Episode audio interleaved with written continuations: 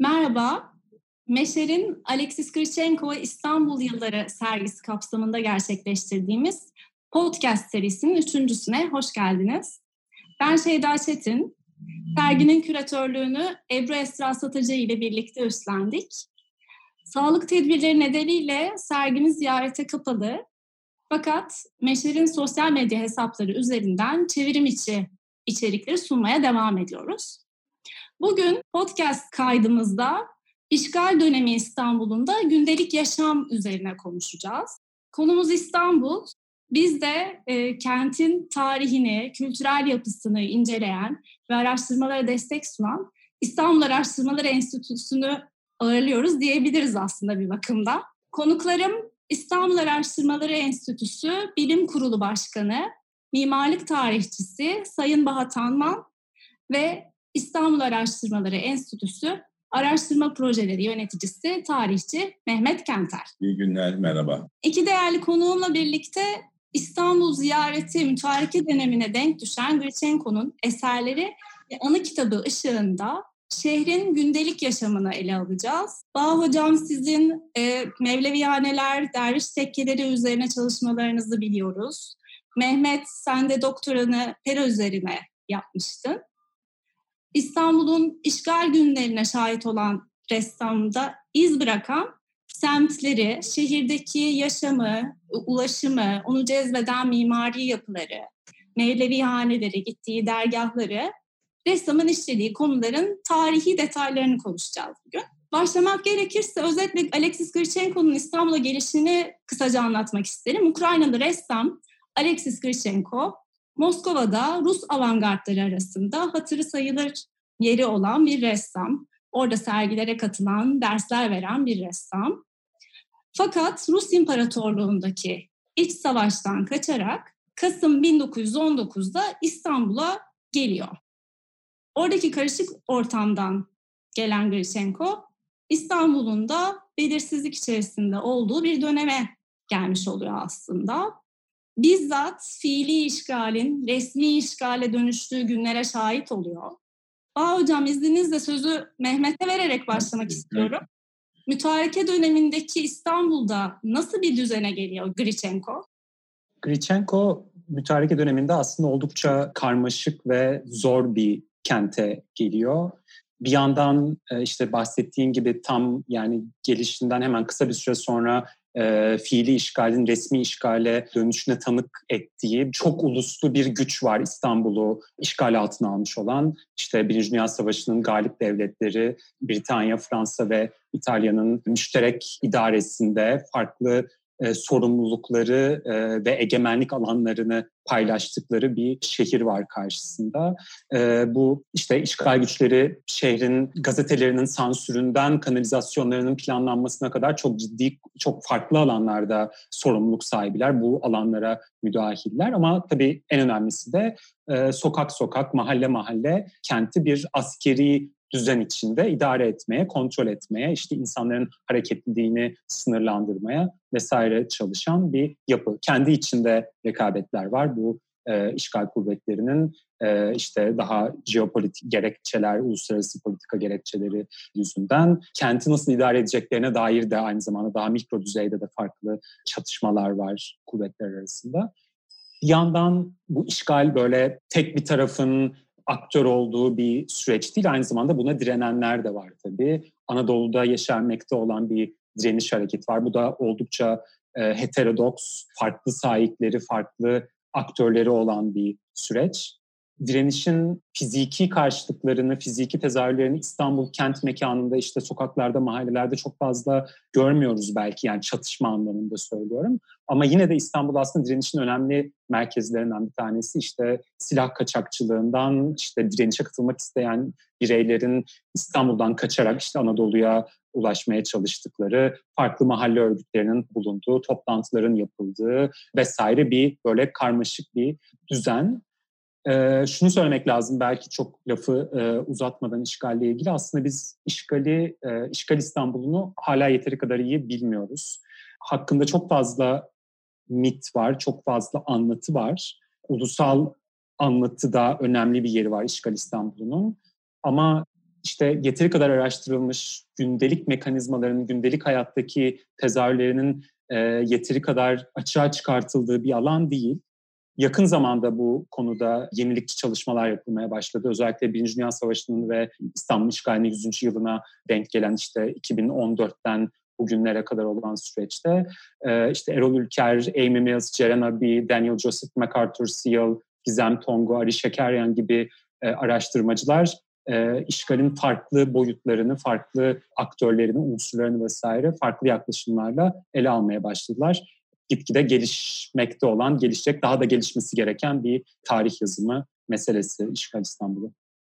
Evet bu dönem karamsar bir dönem olarak zaten hep anlatılarda geçiyor. Toplumun, mütarekenin ilk yılların toplumun her kesiminden bir geçim sıkıntısı olduğundan, bir istihdam sorunu olduğundan da bahsediliyor. Grechenko da böyle bir dönemde İstanbul'a gelip üstelik bir sığınmacı olarak iş bulması güç olan bir ortamda.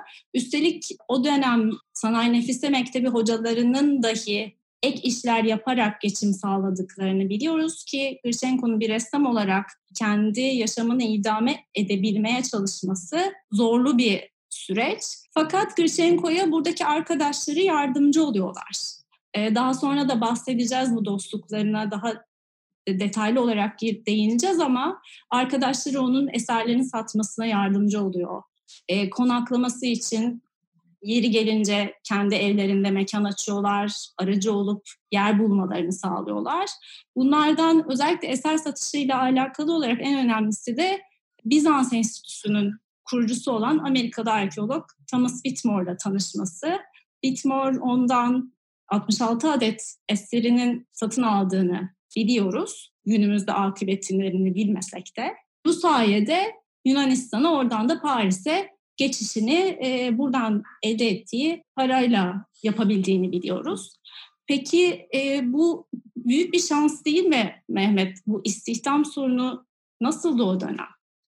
Ee, çok büyük bir şans. Yani bir yandan büyük bir başarı tabii Grichenko'nun bu uluslararası ağı kullanarak hem işte İstanbul'da geçimini sağlayabilmiş olması ama hem de aynı zamanda İstanbul'dan kaçmasının yolunu e, yapmış olması. Ama yani çok büyük bir şans. Birçok hani Grichenko kadar çok uğraşan kişinin bu kadar şanslı olmadığını söylemek herhalde zor değil. İstanbul'da çok ciddi bir istihdam sorunu var. Zaten 1910'lardan itibaren kesintisiz neredeyse bir savaş içinde olan bir imparatorluk. Bütün bu işte dağılmakta olan imparatorluğun her köşesinden gelen mülteciler, onların yarattığı büyük bir insan krizi.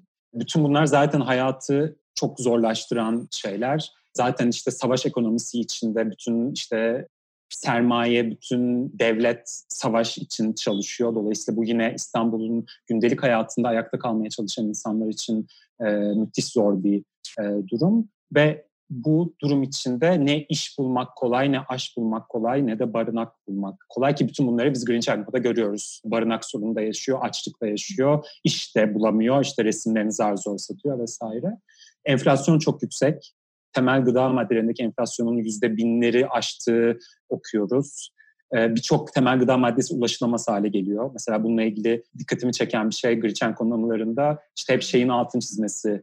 Misafirliğe gittiği yerlerde ona ikram edilen kahvenin şekerli olduğunun altını çizmesi. Muhtemelen yani anladığımız kadarıyla ev sahipleri de onun altını çiziyor. Aman Grichenko'nunki şekerli olsun e, diyorlar. Bu muhtemelen hakikaten şu an bizim anlayamayacağımız kadar büyük bir e, misafirperverlik örneği bir e, özel bir muamele Grichenko'ya gösterilen. Çünkü şeker en zor bulunan e, maddelerden bir tanesi o dönemde. Dolayısıyla hakikaten herkes için ama mülteciler için daha da fazla e, zor bir kent hayatı var İstanbul'da o dönemde. Grichenko'nun tabii bu kadar şanslı olmasının belki bir yine konjonktürle ilgisi işgale gelen ordularla beraber İstanbul'un arkeolojisine e, ve işte tarihine yönelik bir ilginin de artmış olması, işte araştırma enstitülerinin bu dönemde İstanbul'da kurulmuş olması da aslında belki işgalle ilgili olarak Grichenko'yu şanslı kılan, işte onun Ayasofya resimlerine bir alıcı e, talep oluşturan bir koşul, o dönemin tarihsel bir koşul. E, bu karamsarlık ve işte yokluk, yoksulluk hali elbette şehirde çok yaygın. Fakat Grichenko'nun anılarını okuduğumuzda bu benim yorumum ama çok özellikle şehirdeki bazı semtleri gezerken sanki işgalden hiç bir etki görmemiş, sanki huzur içerisinde, e, keyif içerisinde İstanbul'u geziyor. Semt semt İstanbul'u geziyor Grishenko. Keşfetmek için, mimari yapılarını görmek için, kültürü tanımak için, insanların gündelik yaşamını gayet iyi gözlemlediğini okuyoruz. En çok da Sur içine gidiyor. Sur içinde olmak onun için çok önemli. Her gün oraya gitmek için soğuk, çamur, yağmur, kendisinin bir takım rahatsızlıkları olmasına rağmen Sur içine varmak istiyor. Çünkü orada büyük bir keyifle çalışıyor, resim yapıyor. Bağcan, Sur içindeki izlenimleri için sözü size vermek istiyorum. Grishenko'nun e, işgal döneminde Suriçin'i böyle bir hayal dünyasında bu kadar huzur duyduğu bir yer olarak görmesini siz nasıl değerlendiriyorsunuz? Valla bana öyle geliyor ki Pera'yı sevmeyen biliyorsunuz çok net. Pera'daki o kozmopolit ve Avrupa'ya öykünen atmosferi enteresan bulmayan, belki egzotik de bulmayan bir kişi için Suriçi tabii bir kere daha enteresandı. Yani o bir doğu kentine gelen, gelen yabancı için e, Beyoğlu hani e, Avrupalılaşmaya çalışan bir takım Osmanlı muhitleri için belki enteresandı ama bir yabancı için doğrusu çok cazibeli olmayabilirdi. E, dönen dervişler dışında, Kanada Mevlevihanesi dışında. Buna karşılık Suriçi geleneksel yaşamı devam ettiriyor. Bütün efendim işte biraz önce Mehmet'in değindiği sıkıntılara rağmen, e, toplumdaki o bedbin havaya rağmen yangınlardan arta kalan yine mahalleler var ve Grichenko'ya ilham veren ezilmiş çilek yani güneşte solmuş aşı boyası ve böyle uçuk filizi yeşil tirşe derdi eskiler ona. Ee, çıkmalı kafesli evler bilmediği bir konut mimarisi ve daha önce görmediği bir sokak dokusu. İşte böyle geometrik olmayan o bizim geleneksel e, e, organik doku ve oradaki e, sakin ve böyle daha içe dönük bir hayat. Yani Tanpınar'ın e, beş şehrinde çok uzun uzun bahsettiği, tam, e, daha sonra Yahya Kemal'in de Koca Mustafa Paşa şehrinde yansımasını bulduğumuz işte o bizim yazarların asude hayat dedikleri. Hatta bir güzel sözü vardır şeyde Koca Mustafa Paşa şehrinde Bizans'ın kederiyle Türk'ün asude mizacı birleşip bir mağfiret iklimi eylemiş bu yeri. Yani böyle bir e, biraz fazla İslami ve mistik bir söylem burada ama Grichenko da buna yakın şeyler hissediyor olmalı gibi geliyor bana. Ee, tabii ki o, o şimdi dış aslında İstanbul'da işgal tabii ki hayatı çok etkiledi. Ekonomik hayatı da etkiledi, toplumsal psikolojiyi de etkiledi ama bir takım geleneksel kurumlar ve onların etrafa yaymış oldukları e, e, geleneksel hayata ilişkin bazı pratikler devam ediyor. Mesela onun ziyaret ettiği Mevlevihane diyelim. Ee, ondan sonra yani işgal kuvvetleri işte tekkeleri kapatalım, tarikat ayinlerini yasaklayalım gibi bir yola sapmıyorlar.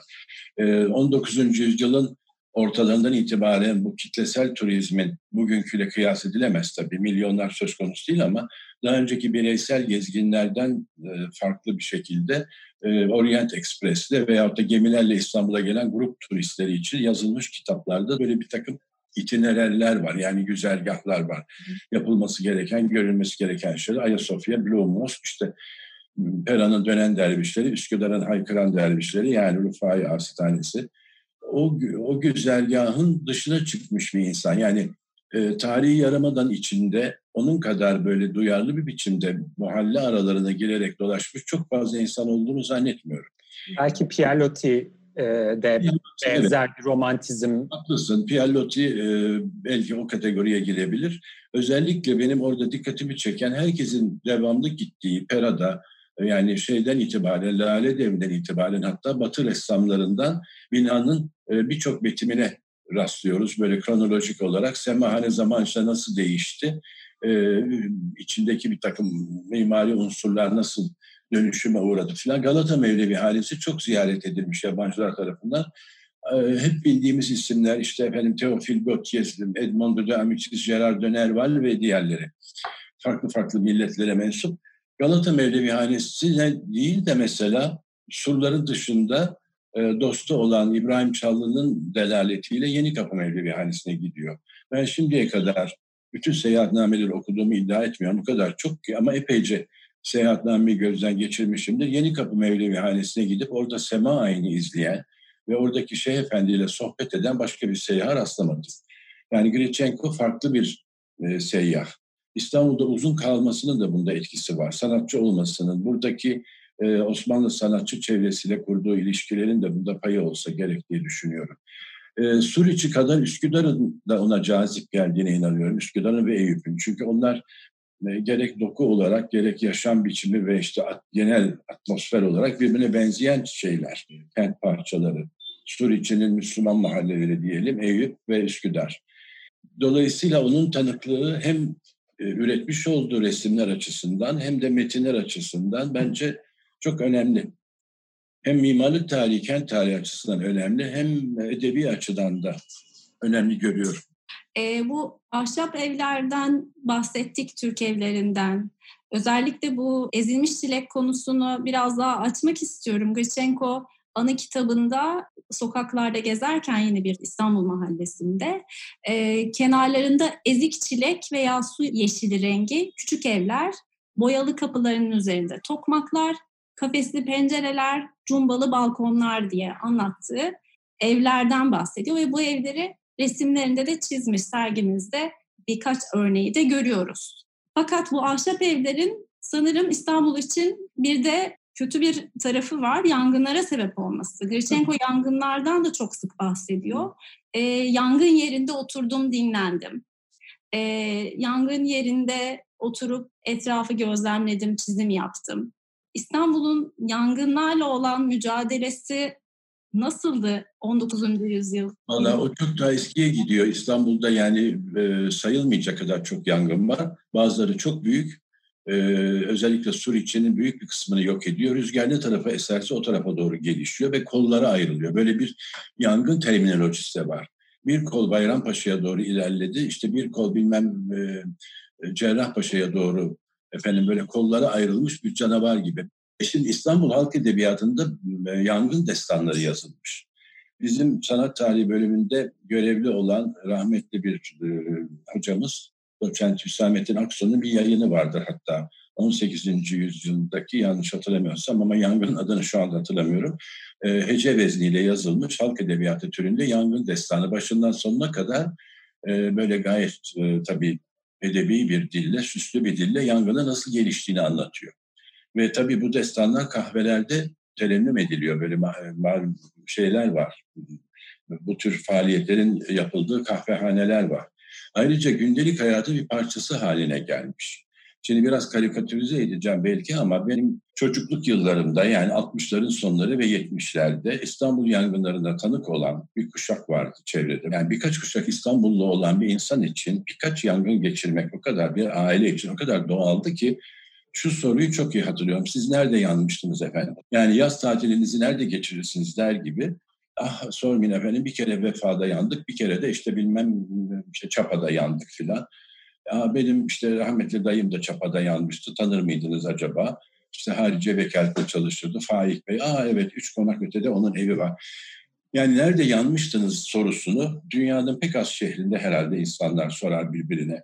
Ve hatta şunu e, hissederdim birkaç kere yanmamış olmak biraz dışarılıklı olmak anlamına geliyor. O yangınlardan sonra İstanbul'a yerleşmiş, hiç yanmayan, hiç yanmadığı anlaşılırsa şöyle kaşlar kalkar yere bakılır. Yani öyle pek yüzüne vurulmaz da işte anlaşılıyor yani.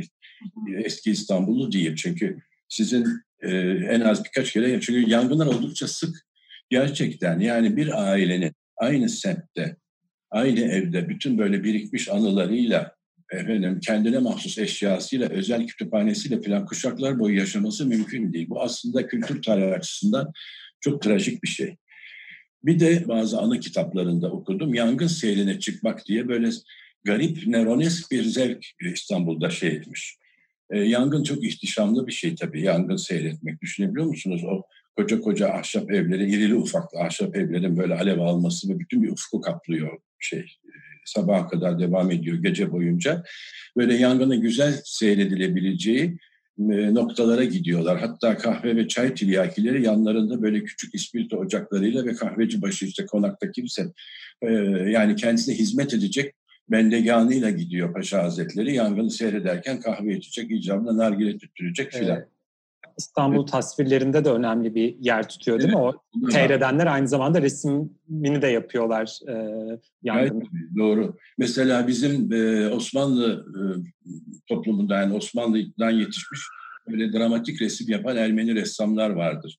Hep karanlık gece resimleri yaparlar. Onların bazıları bir de yangın resimleri yapmışlardır. Çıracıyan gibi mesela. Bir de ayrıca anonim, bazıları anonim, bazıları imzalı. Geç dönem Osmanlı halk resimlerinde İstanbul peyzajında hepsinde değil ama bir kısmında bir yangın görünüyor mesela. İstanbul'da işte kentin amblemi haline gelmiş olan bir takım e, e, binalar var. İşte bir takım binalar. Mesela Kız Kulesi muhakkak var. Kız Kulesi, çoğu zaman Galata Kulesi, e, Ayasofya Sultanahmet. Asıl e, topografik olarak Haliç ve Boğaziçi ve birbirini T harfi şeklinde kesen iki su. Ve mesela bir köşeden de bir yangın e, çıkıyor. Tulumbacılık başlı başına bir halk sporu haline gelmiş. Böyle yalın ayak efendim yangın yerine koşmak. Onların da kendi aralarında müthiş rekabetleri var. E, bazen rekabet o dereceye varıyor ki cam kırıkları atıyorlar. Öbür takımın ayakları kanasın da yetişemesin diye filan böyle çocukça e, garip şeyler ve on, onların da kendine özgü bir jargonları var. Yani yangından hareketle bütün bir e, böyle bir post şey e, sohbet yapmak mümkün. Buna bizzat tanık olması da tabii Grichenko'nun İstanbul'la ilgili şeyini e, tanıklığını zenginleştiriyor. Bizzat yangınların izlerini görmüş ve hatta belki İstanbul'dayken yangına da tanık olmuş. Şimdi o yılları tam olarak yangınların tarihlerini bilemeyeceğim ama işgal yıllarında da İstanbul'da büyük yangınlar olduğunu çok iyi biliyorum. Bunlardan bir tanesi yanlış hatırlamıyorsam Büyük Fatih yangını mesela. Belki Mehmet daha iyi hatırlar tarihini. 1918'de yani Grichenko tabii hangi yangın yerleri de tam olarak işte bulunuyordu evet. ve o yangın yerleri hangi yangının izleriydi onu bilmek mümkün değil ama Grichenko gelmeden hemen önce olan en büyük yangın e, Mart 1918'de Cibali e, yangını 7500 kadar binayı e, yok eden bir yangın. Bununla ilgili şöyle bir şey söylemek istiyorum. Yani işte bu ahşap mimari ve yangın ilişkisi bu hem 19. yüzyılın reformcu işte Osmanlı entelektüelleri için hem de işte batılı gözlemciler, seyyahlar e, vesaire için biraz böyle nasıl diyeyim çok eleştirilen şartlının kederciliğine, boş vermişliğine falan bağlanan bir ilişki. Yani çünkü İstanbul gerçekten de yangınla yıkılıyor yüzyıllar boyunca yeniden ahşap olarak inşa ediliyor. Yıkılıyor yeniden ahşap olarak. İşte Bağcan'ın anlattığı gibi aynı aile birkaç nesil böyle işte yangınlarla e, karşı karşıya kalıyor, evlerini kaybediyor. Ama aslında bunun çok şarka özgü bir kadercilikten başka birçok farklı aslında sebebi var. Yani hani çok mantıklı olduğunu düşünebileceğimiz. Ahşap ucuz, kolay bulunuyor, çok daha hızlı inşa ediliyor. Depreme karşı İstanbul'un başındaki en büyük ikinci felaket olan işte yangınlarla beraber depreme karşı çok daha güvenli bir e, yapı biçimi ve de belki de şöyle bir tarafı var. Erken modern İstanbul için özellikle e, mülkiyet hakkı gibi bir şeyden bahsetmek çok kolay değil. Yani hiç kimse kendi oturduğu evin nesiller boyunca gerçekten kendisinde kalabileceğinden, devletin baskısından vesaire korunabileceğine dair bir güven duymuyor. E, tabii e, bu e, yani e, belediyenin bütün e, önlemlerine rağmen hatta yasaklarına rağmen e, tarihi aramada da Eyüp'te, Üsküdar'da yani geleneksel yaşamın devam ettiği bu bölgelerde özellikle bakın ilginç şeyde e, tarihi yaramada da Kumkapı'da Ermenilerin çoğunlukta olduğu Kumkapı'da bu bir takım yangınlardan sonra böyle e, yeniden planlanmış mahalleler hemen İstanbul'un haritalarına baktığınızda 19. yüzyılın ikinci yarısına ait haritalarını hemen görürsünüz. Organik dokunun ortasında birdenbire böyle bir ızgara doku çıkar. Keza e, Fener'den Çarşamba'ya doğru yükselen yamaçlarda bunlar yangınlardan sonra o mahallenin yeniden düzenlenmiş halleridir ve orada kagir yığıma inşaatların çoğunlukta olduğunu görürsünüz. Fakat yine inatla ve ısrarla yasaklara rağmen ahşap devam ediyor. Ahşap bina. Koca koca efendim e, ahşap konaklar, orta halli evler. Onların bir hiyerarşisi vardır. Konak yavrusu vardır. Bir de böyle en küçüğüne de çok hoş bir tabir kullanılır. Bugün belki 20 yaş kuşağı bilmez. Nohut oda bakla sofa. Fakat orada bir mimari gerçeklik var. Bakın nohut oda küçük, sofa daha büyük. Hiçbir zaman sofa odadan daha küçük olmaz. Yani ama e, Mehmet'in dediği çok önemli bir şey var. Ahşabın çok kolay inşa edilmesi. Bu arada sizin e, ahşap evler uzun dönem aslında e, şehir dokuzunda kalmaya devam etti e, sözünüze ek olarak ben de Fatih Yavuz Selim'de e, Nohuta'da Baklasof'a bir ahşap evde doğdum. Değil misiniz? Herhalde böyle evet. bir doğan son kuşaksınız. Muhtemelen. Mensuplarısınız şeyde. Bunu da hani ne kadar uzun süreler aslında ahşap evlerin kullanımda olduğunu şehir merkezinde örnek olması için eklemek istedim.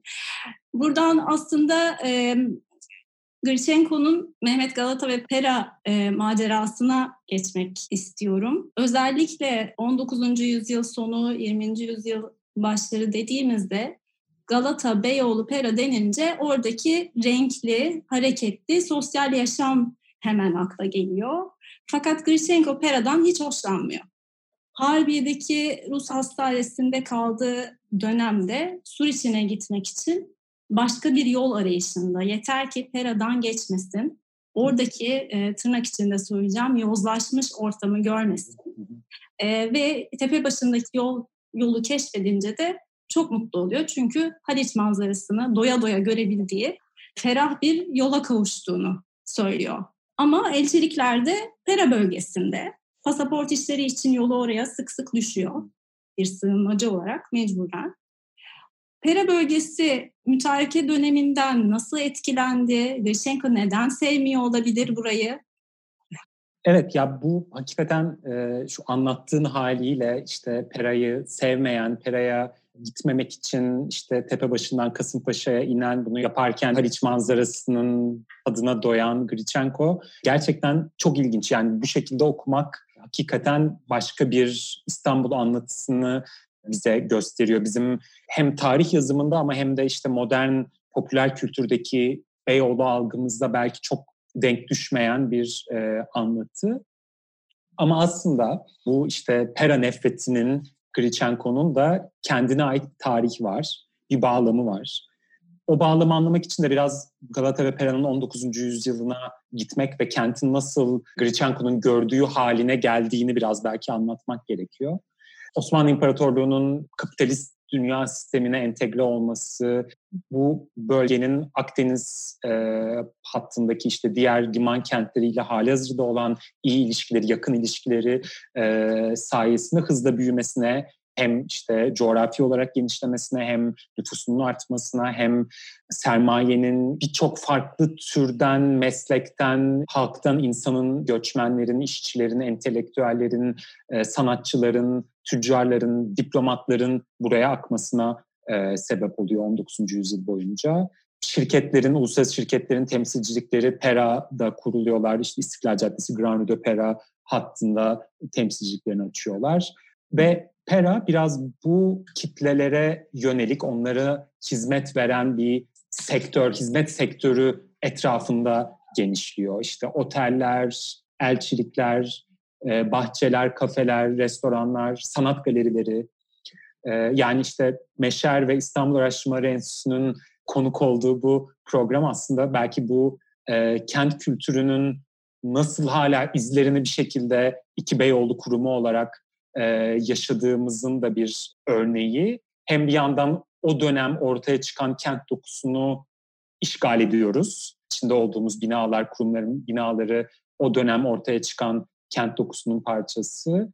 Hem bir şekilde işte o kültürel öğelerin devamlılığını sağlıyor bu araştırma kurumları, işte kültür kurumları, müzeler vesaire. Ama bir yandan da tabii yine bizim de bağ, bağımsız olmadığımız bir 19. yüzyıl Beyoğlu nostaljisi de aynı zamanda yine hala Beyoğlu'nda üretilmeye devam ediyor. Beyoğlu'nu bu açıdan daha da elverişli kılan aslında bir, bir şey 19. yüzyılda kent topografyası. Biraz Bağ Hoca zaten bundan bahsetti. Beyoğlu diğer tarafa yani aslında İstanbul'a gelen işte Bağcı'nın bahsettiği o modern turizmin tren yolları ve buharlı gemi seferleriyle e, hacmi büyüyen modern turizmin İstanbul'a getirdiği ziyaretçilerin asıl ilgisini çeken yer diğer taraf. E, Haliç'in diğer kıyısı e, eski İstanbul, Osmanlı'nın, Bizans'ın, e, Şark'ın başkenti olan Suriçi İstanbul'u.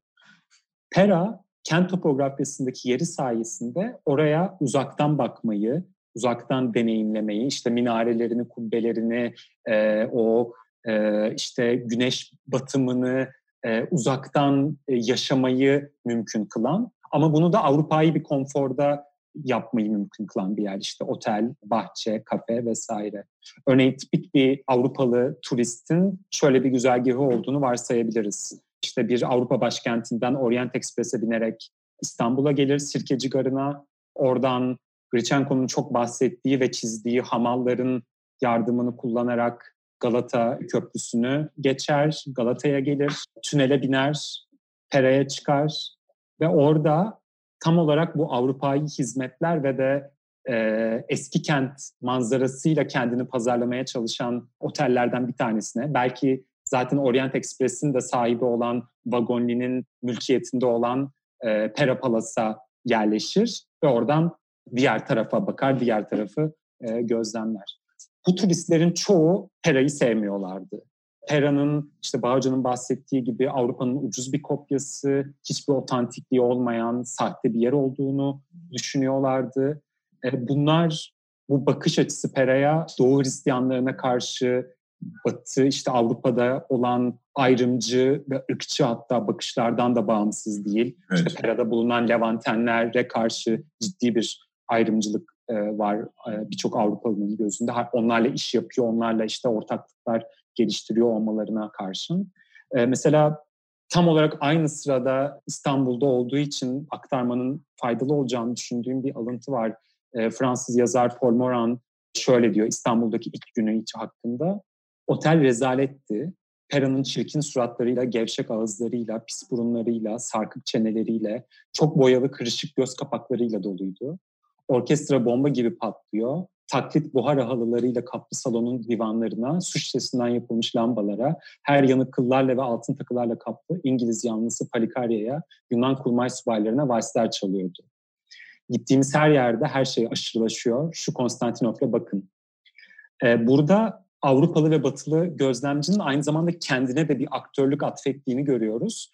Biz bu hale getirdik. İşte şark başkentini, o e, otantik Türklerin kentini böyle bayığı, işte aşırı çirkin herhangi bir yer haline getirdik gibi de aynı zamanda Batılı'nın kendine biçtiği bir e, rol de var. Tabii ki aslında yani böyle Grichenko'da da var bu işte Türkler saf, iyi ama işte sempatik ama çok bir şeyden anlamayan bir halk. Buna karşın Peralılar işte becerikli, kurnaz ama adaletsiz olarak anlatılıyor falan. Bu ikiliklerin tabii ki gerçekte bir karşılığı yoktu.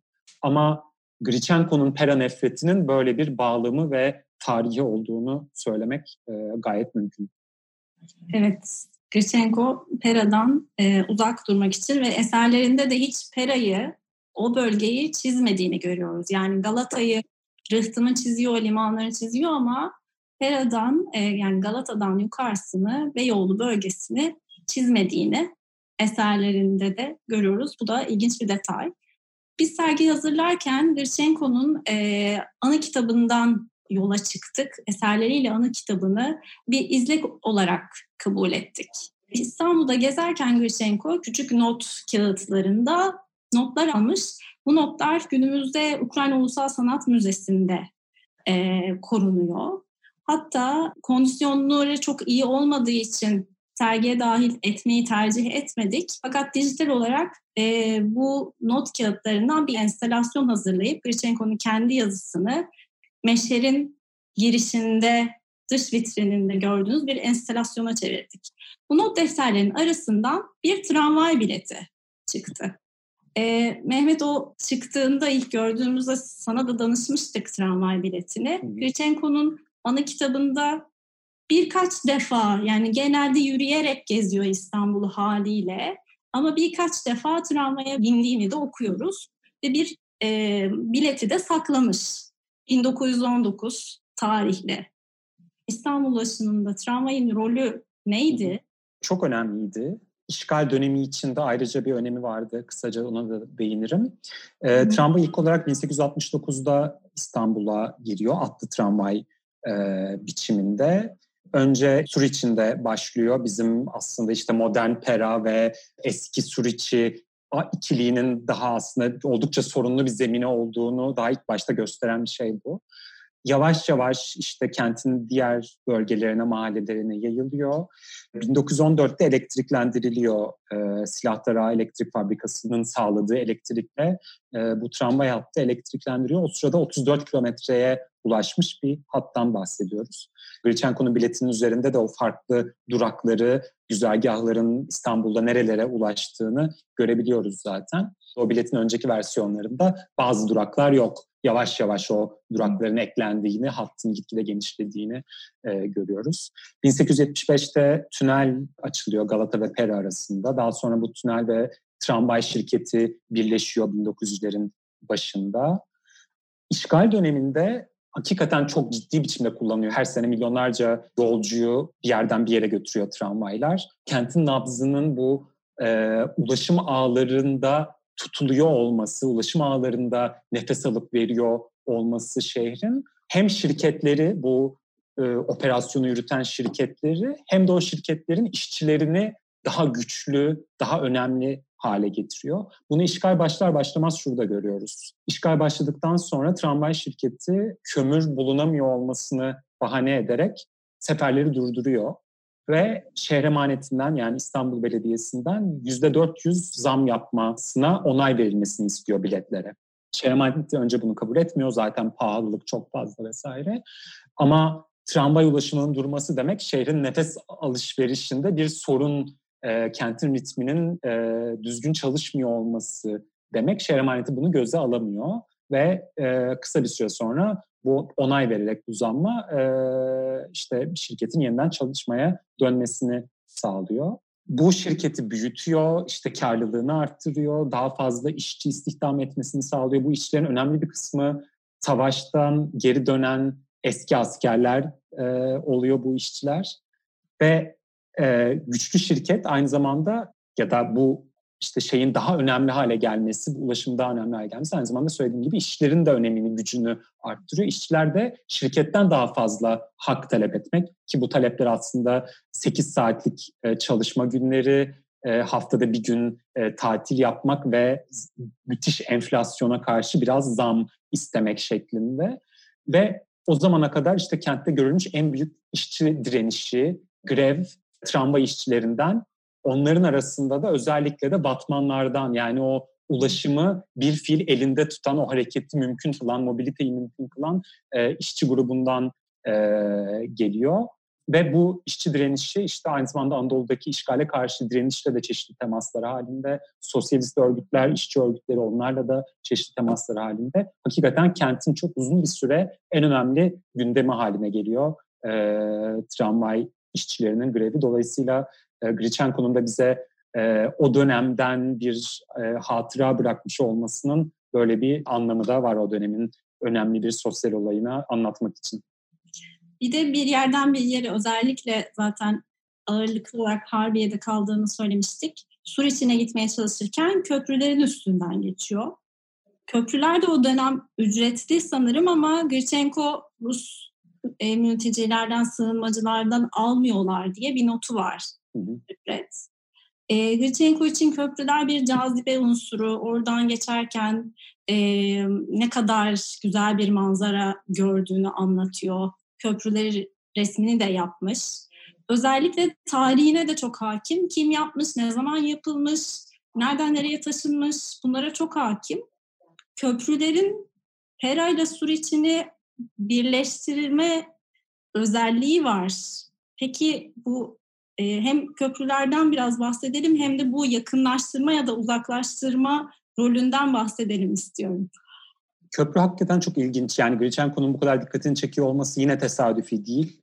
İşte Haliç üzerindeki ilk köprü Azap Kapı ve Unkapı'nın arasında kurulduktan e, sonra işte 1912'de Grichenko'nun yeni köprü dediği e, işte son teknolojiyle inşa edilmiş Almanlar tarafından yapılmış e, Galata Köprüsü'ne hatta bence e, 20. yüzyılda yapılmış Boğaz köprülerine kadar kentin temsilinde, e, kentin algılanışında çok önemli e, bir motif köprü.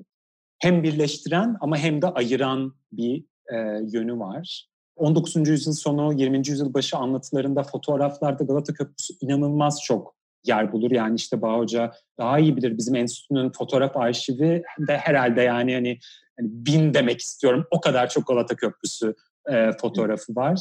Bir de e, Paris'ten Türk yurt içinden ve yurt dışından satın alma ya da bağış yoluyla gelen fotoğraflar her zaman bir heyecan yaratıyor. Neler var acaba? Ay yine Galata Köprüsü ya Rabbim. Yine Kız Kulesi, yine Ayasofya. Evet. Mehmet hakikaten Galata Kulesi, şey Galata Köprüsü fotoğrafı enflasyonu içindeyiz. Sen Aynen öyle. Bir yandan işte Grichenko'da da olan yani onun resminde de onun Galata Köprüsü e, tasvirinde de çok güçlü olan bir çeşitlilik anlatısı bu Galata e, çeşitlilik ve kalabalık. Her türden insan var. İşte Grichenko e, tam bir kozmopolitizm diyor. Kara çarşaflı Türk kadınları, e, çirkin Avrupa kıyafetleri giymiş Ermeniler, e, Rumlar, Fransız askerleri, Fransa'nın koloni askerleri, işte Senegaliler vesaire her türden insan, işte develer, insan olmayanlar falan böyle bir müthiş bir kalabalık çeşitlilik. Dolayısıyla birleştiren, bağlayan bir tarafı, bir araya getiren bir tarafı var köprünün. Ama bir yandan da bütün bu anlatılarda aynı zamanda gördüğümüz köprünün ayrıştırıcı bir yönü de olması. Çünkü köprünün olması demek iki ayrı e, yaka olduğunun, işte bir yerden bir yere geçmenin de para vererek vesaire bir tür e, formalize olması, resmileşmesi anlamına geliyor. Örneğin yine Grichenko şey diyor, e, karşı tarafa geçer geçmez o büyülenme hali, şark şehrazatı yok oluyor.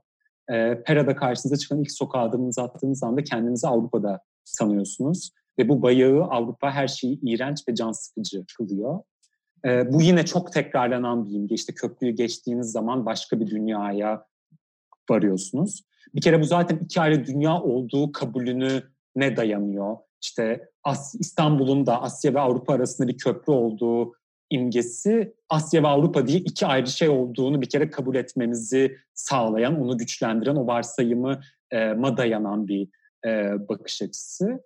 E, sanki bu ikisi arasında bir zıtlık varmış, ikisi birbiriyle e, ilişkili değilmiş gibi e, bir kabul. E, bu daha da ilginci böyle çok yakın zamanlara kadar aslında işte özellikle Boğaz üzerinden, e, Boğaz köprüleri üzerinden ve modern antropolojik çalışmalarda bile tekrarlanan bir e, imge. İşte Boğaz'ı geçtiğiniz zaman artık Asya'dasınız ve orası başka bir dünya. Halbuki biliyoruz ki ne Asya ve Avrupa ne Suriç ve Pera arasında bu kadar böyle böyle zıtlıklar var. İki tarafta heterodoks mekanlar, birbirine benzemeyen mahallelerden oluşuyor Pera'da, Suriç'de ve aynı sosyoekonomik koşullar iki yakayı da hem Asya Avrupa'yı hem Suriç'ini, Pera'yı biçimlendiriyor. Örneğin işte Lawrence Baruch'un çalışmalarından gördüğümüz 19. yüzyıl özelinde Pera, Galata, Eminönü ve Sirkeci hattının aynı sermaye hareketleriyle inşa edilmiş olduğu, aynı tipten insanların iki tarafta da bulunabildiği, aynı kişinin hem orada hem orada mülkünün olduğu vesaire. Dolayısıyla köprü bize bu hem İstanbul'un çeşitliliği anlatısı için bir mekan hem de bu böyle kafalarda oluşan e, zıtlıklar içinde bir araç, o zıtlıkları anlatmak için de bir araç görevi görüyor. Hem Grichenko'da hem de e, başka o dönemin tanıklıklarında. Aa, hocam sizin bu konuda ekleyecekleriniz var mı? Evet, yalnız şu aklıma geldi. Yani bu mesela Paris'te de köprü şehrin önemli, köprüler şehrin önemli bir ögesidir. Yani edebiyatta hatta şarkılarda filan. Ama e, bu bizim e, Haliç üzerindeki köprüleri Grichenko'nun ve diğer başka bazı seyyahların gözünde cazip olan demin Mehmet'in değindiği iki farklı dünyayı birleştiriyor olması. Paris'in doğu ve batı yakası arasında halbuki böyle bir kültürel kimlik farkı yok. Evet aslında Grichenko da e, bize böyle bir ipucu veriyor. Osmanlı Montparnasse diye isimlendirdiği e, İstanbul'daki entelektüel kesimle olan dostluğunda. Grichenko özellikle Rus Rusya'dan gelen mülteciler, sığınmacılarla e, mesafeli bir ilişki yürütmüş İstanbul'dayken. Özellikle İstanbul'daki e, sanat çevresiyle, burada yaşayan kimselerle arkadaşlık kurmaya, e, onlarla iletişimde olmaya çalışmış ve dostluklarını e, bu kimseler üzerinden geliştirmiş. Şehirle olan bağını da bu kimseler üzerinden geliştirmiş. Buradaki kimseler de aslında örneğin İbrahim Çaldı Sur içinde oturuyor, Çemberli Taş'ta oturuyor e, ama Beyoğlu'nda, Pera'da e, o bahsettiğimiz kültürel çeşitliliği tüketen de birisi. Zaten orada sergilere katılan da birisi. E, buradan İbrahim Çaldı ile olan dostluğu ve dolayısıyla da Mevleviyane ziyaretlerine geçmek istiyorum. Gülçenko'nun İstanbul'daki en yakın dostu İbrahim Çallı diyebiliriz. Notlarından okuduklarımıza göre. İbrahim Çallı Grichenko'yla hem sanat alışverişi yapıyor hem de bir, birbirlerine bir dayanışma içerisindeler. Sanat sohbetleri yapıyorlar, ona yardımcı oluyor eser satışında. Sanayi Nefise Mektebi'ndeki öğrencileriyle tanıştırıp onun bilgilerinden, onun sanat görüşünden onların da faydalanmasını istiyor. Grichenko da İbrahim Çaldı sayesinde hem eserlerini daha önce bahsettiğimiz gibi satmış oluyor. Bir dönem onun çatı katında kalıyor ve birlikte şehri de keşfediyorlar. Topkapı'da Mevlevihane'ye gittik diye anlattığı bir bölüm var kitabında. Özellikle bir bölüm ayırmış bu Mevlevihane ziyaretine. Bağ Hocam bu Mevlevihane Yeni Kapı Mevlevihanesi'dir evet. değil mi? Tabii. Orada herhalde bir nasıl söyleyeyim bir karışıklık oldu. Yani sur dışında olması Topkapı gibi bir başka kapıdan Mevlevihane Yeni Kapısı'ndan ki zamanla o böyle basitleşerek Mevlana kapıya dönüşmüştür. Yine biz Karasurlar üzerindeki bir kapıdan çıkarak ve yürüyerek gittiler büyük ihtimalle. Genellikle Yeni Kapı Mevlevihanesi'nin geleneksel ulaşımı öyle. Yani surun dışına çıkıyorsunuz, hendekleri kat ediyorsunuz e, ve iki tarafı mezarlık olan bir yoldan yürüyerek kısa bir yani bir 10 dakikalık bir yürüyüşten sonra Yeni Kapı Mevlevihanesi'ne varıyorsunuz. Yakın zamana kadar etrafı boş olan bir kuruluş, kurum. O tarihlerde Yeni Kapı Mevlevihanesi'nde e, o Yeni Kapı Mevlevihanesi'ni ve Galata Mevlevihanesi'nin post içine olan şeyler e, hep e, entelektüel potansiyeli olan insanlar ve sohbetlerinin zenginliğiyle e, ün yapmış insanlar. Anlaşılan İbrahim Çallı ile beraber bunlar e, Sema ayininden sonra e, şey Efendi ile sohbet etmişler. Abdülbaki Efendi, Baykara soyadını almış Cumhuriyet döneminde. Ve orada e, İbrahim Çallı'nın yanlış hatırlamıyorsam yapmış olduğu bir böyle kroki var, bir resim. Grichenko'nun mu o e, şey resim? Grichenko'nun da var aynı şekilde. Evet. Böyle Sema ben şeyden tanıdım. Kubbesinin 1830'larda 2. Mahmud'un yeniden yaptırdığı bir semahane bu. Merkezden böyle ışınsal bir şekilde dağılan bir taksimat var Yeni Kapı'nın kubbesinde. Yeniden inşa edildi o yapı bundan yaklaşık 10 sene önce. Onu dikkatini çekmiş ressamın ve bir de böyle bir e, yan yana sivri kemerler görünüyor. Onların arkasında da türbe var. Yani bütün şeyhlerin gömülü olduğu türbeyle sema yapılan alan arasında böyle bir mekansal ilişki var ki o e, camilerde ya da ne bileyim medreselerde görmediğimiz bu e, sufi mimarisinde gördüğümüz bir özellik. Bütün bunlara çok dikkat ettiğine inanıyorum onun. Yani böyle e, nasıl ki o mimari detayları bütün ayrıntılarıyla çizen geleneksel yani böyle akademik bir ressam değil. E, değil mi? Fakat esprisini yakalamış mesela Türk evinin çok az çizgiyle biraz uzak doğu resmini bana çağrıştırıyor. Yani böyle minimum e, çizgi kullanarak e, böyle ayrıntılara boğulmadan onun ruhunu yakalayıp e, resme yansıtmak. Yeni Kapı öyle bir hanesinin de en karakteristik birkaç şeyini yani semahane mekanından bahsediyorum. O resimde görebiliyorsunuz örneğin. Ve e, Yeni Kapı Mevlevihanesi yeri nedeniyle çok e, İstanbul'u ziyaret eden diğer seyyahlar tarafından çok uğrak yeri değil. O nedenle de Grichenko'nun oraya gitmiş olması e, özel bir durum değil mi? Evet, evet. İlginçtir. Mesela Pera'ya çok yakın olmasına rağmen Kasımpaşa Mevlevihanesi'ne de uğrayanı görmedim. E, Galata Mevlevihanesi'ni ziyaret ettiğine dair Grichenko'nun elimizde bir kayıt yok.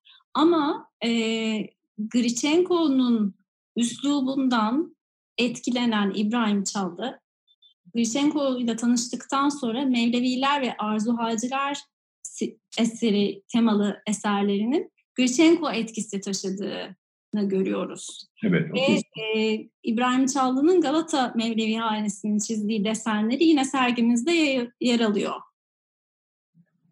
Bu Galata Mevlevi hanesinde başka sanatçıların da e, çizimleri olduğunu belirtmiştiniz. Tabii. Hep, paylaştınız. Tabii hep, hepsini tespit ettiğimi iddia etmiyorum ama e, Van Moor'dan başlayarak, Van Moor gibi Van Moor ünlü bir isim. E, bir gravürü var ve oldukça doğru. Yani e, nasıl doğru diyeceğim, efendim siz o yok olmuş binanın doğru çizildiğini nereden biliyorsunuz diyeceksiniz ama o mimari tanırsanız e, ressamın e, mimariye uymayan bir şey yapıp yapmadığını bina ortada olmasa bile anlayabilirsiniz.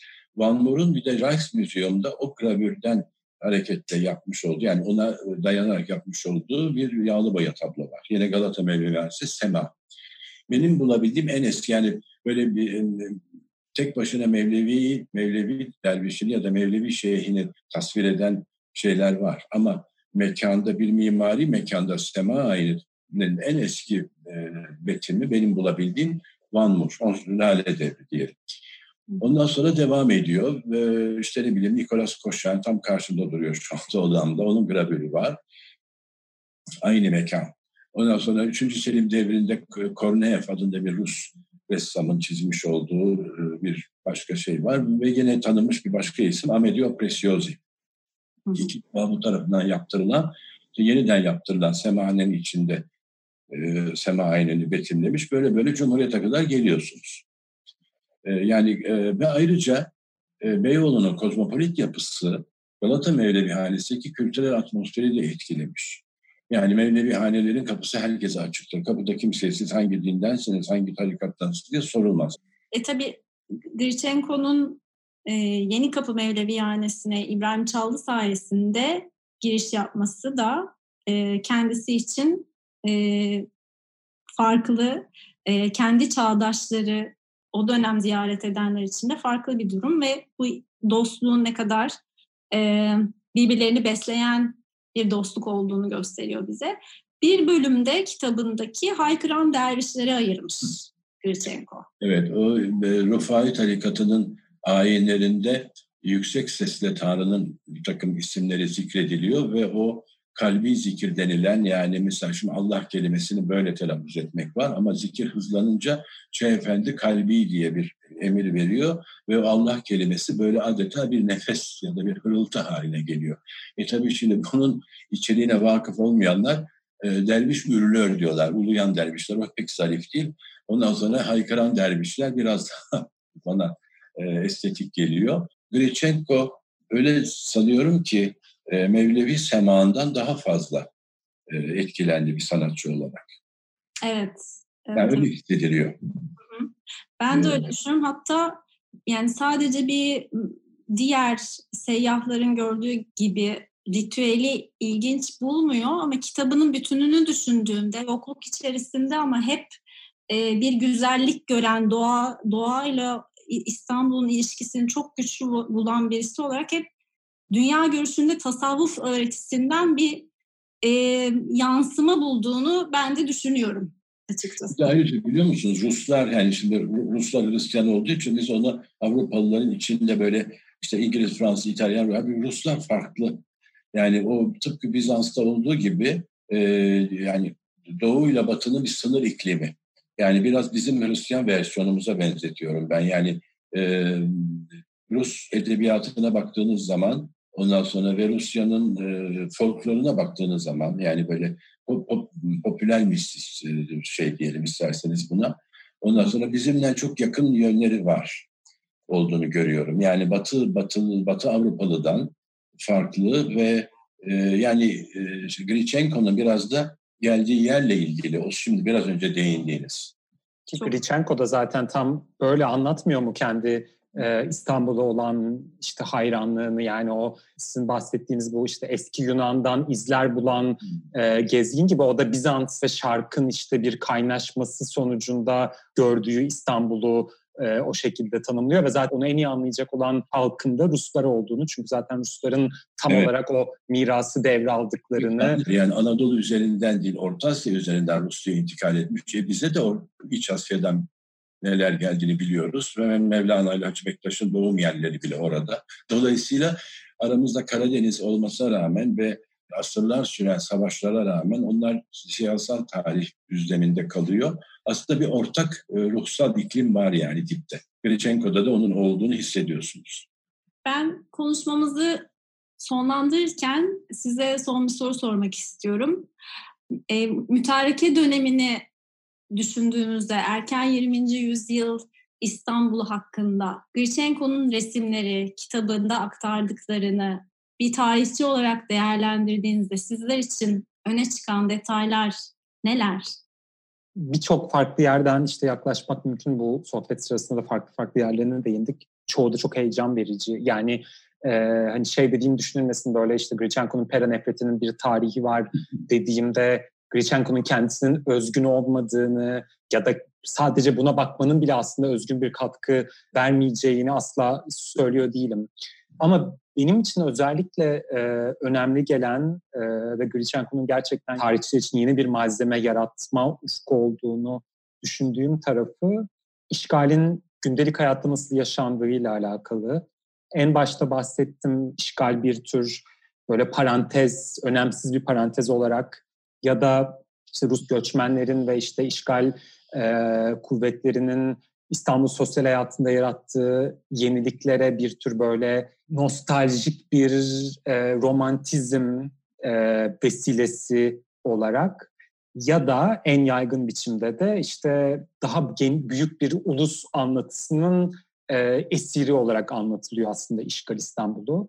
Halbuki çok uzun dön yani oldukça uzun bir dönem ve kendi özgünlüğü olan, kendi başına çalışılması, araştırılması gereken e, bir konu e, işgal ve Grichenko oldukça aşağıdan, e, sokaktan hem resiminde hem işte yazılı anlatımlarında e, bu işgal İstanbul'unun bir portresini çiziyor. Klişeler yok mu? Çokça. Kendi işte ayrımcı bakışı yok mu? Muhakkak var. Rumlarla ilgili söyledikleri şeyler mesela direkt e, göze çarpıyor.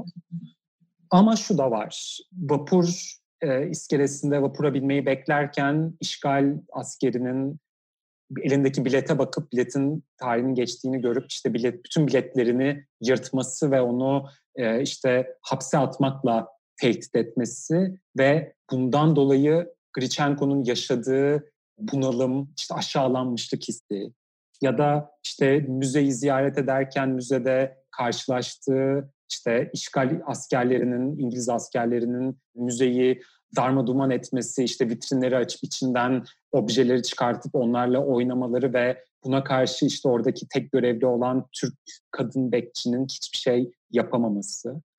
Şimdi bu tip manzaralar şeyde de var. E, bu tip aşağılanmışlık e, manzaraları işte erken milliyetçi romanlarda da var. Ama oralarda bu manzaralar hep işte çok daha büyük bir meselenin o işte ulus ülküsüne e, tahvil edilen ve kendi başına incelenmeyen, kendi başına mekanizması anlatılmayan, direkt böyle o üst anlatıya e, biraz bence heba edilen anlar. Halbuki İşgal İstanbul'u böyle karşılaşmalarla gündelik hayatın yürüyebildiği bir yer. E, ve bence hala bu aşağıdan tarihi yazılmayı bekliyor İşgal İstanbul'un. Sadece Müslüman Türkiye için söylemiyorum bunu. Yani işte göçmenler için, Rumlar için, Ermeniler için nasıl böyle katman katman eşitsizliklerle yaratılmış bir kent olduğu işgal İstanbul'un e, bu tarih bence hala yazılmayı bekliyor ve Grichenko da bence bu tarihin nasıl yazılabileceğine dair bazı ipuçlarını e, içinde barındırıyor. Bu açıdan bence heyecan verici bir kaynak. Bağ Hocam sizin eklemek isteyecekleriniz? Ee, diğer seyyahlardan onu ayır, ayıran ve bize e, yani tanıklığını ilginç kılan şeylerden bir tanesi o Beyoğlu'nun kozmopolit muhiti içinde kendini hapsetmeyip tam tersine özellikle hani kendi e, şeyinden ülkesinden gelenlerle bile çok fazla ülfet etmiyor. E, ve Türk entelektüel Osmanlı Montparnasse dediği ya da Türk Montparnasse dediği muhitle yakın olması ve onlarla beraber şehrin hayatına e, duhul etmesi, girmesi o çok önemli. Bir de böyle e, basma kalıp İstanbul silüetleri ve hep alışkın olduğumuz işte böyle efendim klişeleşmiş tasvirler yerine böyle şehrin eski mahallelerin ruhunu veren çok az çizgiyle de olsa o eğimli sokaklar ve işte organik doku malum onun heyecan veren renkler onları saplamış olması çok çok ilginç ve çok nadir bir şey. Yani belki hani dokümanter açıdan hani yok olmuş bir ahşap konutu onu resmine bakarak restitü edemezsiniz. E, halbuki ne bileyim e, mimar kökenli olan e, 3. Selim'in meşhur saray mimarı Melling'in Tophane Çeşmesi'nin e, tasvirine bakarak onun e, daha sonra yanmış olan saçaklarının restore edildiğini biliyorum yani. Böyle bir şey avantaj sunmuyor bize. Böyle çok stilize edilmiş şeyler malum. Zaten mensup olduğu resim ekolü de bunu gerektiriyor. Ama çok daha ruhlu ve o e, yani soka, e, İstanbul sokaklarının ve oradaki ev dokusunun, konutların gerek renk olarak gerek e, birbiriyle olan ilişkileri olarak, kitle, kitle tasarımı olarak falan e, farklılığını ve esprisini bize veren bir şey. Bir de işte dediğim gibi o ziyaret güzergahının dışına çıkması onu ilginç e, kılıyor. Yeni Kapı örneği gibi mesela. Çok fazla Boğaz'dan bahsetmediğini fark ettiniz değil mi? Evet. Boğaz onu heyecanlandırmadı mı? Onu, onu hep e, şey bir soru işareti kaldı kafamda. Yani tarih yarımadanın yarısı kadar da olsa Boğaz için neden olmadığını pek anlayamadım. Acaba o e, elimizdeki metinler ve işte bu notlar daha tamam mı? Mümkün aslında. Çünkü e, İstanbul'da sokakta yürürken aldığı, hızlıca aldığı notları el, sıkıca elden geçirip e, üzerine çalıştıktan sonra 1930'da aradan 9 yıl geçtikten sonra Paris'te yayınlamış. Ama şu da var mesela çok yani, güzel sokak e, etütleri var. Surlar ve surların dışındaki mezarlıklar biliyorsunuz onlar evet. da çok güzel. Bir servi ağacı çizmiş. Ben bu yani zaten o malum yani Batı resminde bu akademik şeyden çerçeveden kurtulma sürecinde Doğu resim sanatının etkileri hepimiz tarafından biliniyor. Orada o kadar bariz ki böyle birkaç kalın çizgiyle servi ağacı e, mezar taşı arasına yükseliyor. Ee, mesela bunların yanı sıra Boğaz peyzajlarına da rastlayabilirdik. Böyle bir deniz kenarında yayvan yalılar, tepede bir takım ağaçlar falan yok değil mi? Hı hı. Yani en az siz rastlasaydınız, sergiye almasanız bile e, haberdar olurdunuz. Yok aynı şekilde rastlamadık. Boğaz, İstanbul Boğazı olarak isimlendirdiği çizimleri denizde e, kayık, sandal görüntüleri. Evet. E, dediğiniz gibi yalılar yok, konaklar yok, e, bir daha bir geniş bir peyzaj yok. Boğaz. Ee, biraz şeyin de etkisi var herhalde aslında e, şeyin başında işte kitabın başında akan boğaz görüntüsünden ne kadar etkilendiğini söylüyor. Ama bir yandan aslında o Bizans İstanbul'unun peşinde. Bütün evet. o Türk mahalleleriyle ilgili yaptığı ekstra yorumlar biraz Bizans İstanbul'uyla ilişkilendiği kadarıyla onu heyecanlandırıyor. Diyor ki Bizans'ın ruhu hala buralarda var. Ee, ve de işte kısıtlı bir zaman, zamanın önemli bir kısmında da barınak ve iş aş arayarak geçirdiği için belki hani biraz daha kalabilseydi o zaman oralarla da ilgilenebilirdi. Onun e, bir de geldiği kültürden kaynaklanan bir Bizans şeyi var, hüsiyeti var. Ayasofya resimleri. Evet. E, evet, haklısın. Evet efendim. Virchenko bize çok bilgi bırakmış. Özellikle e, bu ana kitabında İstanbul'da hem resimlerinde hem de İstanbul'da iki yıl isimli anı kitabında biz de e, bu kitabın sergiyle eş zamanlı olarak Yapı Kredi yayınlarından Türkçe'ye kazandırılmasından çok memnunuz. Sizlerin de söylediği gibi daha bu kitaptan, Grichenko'nun eserlerinden çokça araştırma konusu çıkacaktır. Çokça araştırmaya da faydası dokunacaktır. Biz de buna inanıyoruz. Çok teşekkür ederim bugünkü sohbet Ben teşekkür ediyorum. Verdiğiniz bilgiler için çok teşekkürler. Bir mukabele çok teşekkürler. Çok keyifliydi. Bir sonraki podcast kaydımızda görüşmek üzere.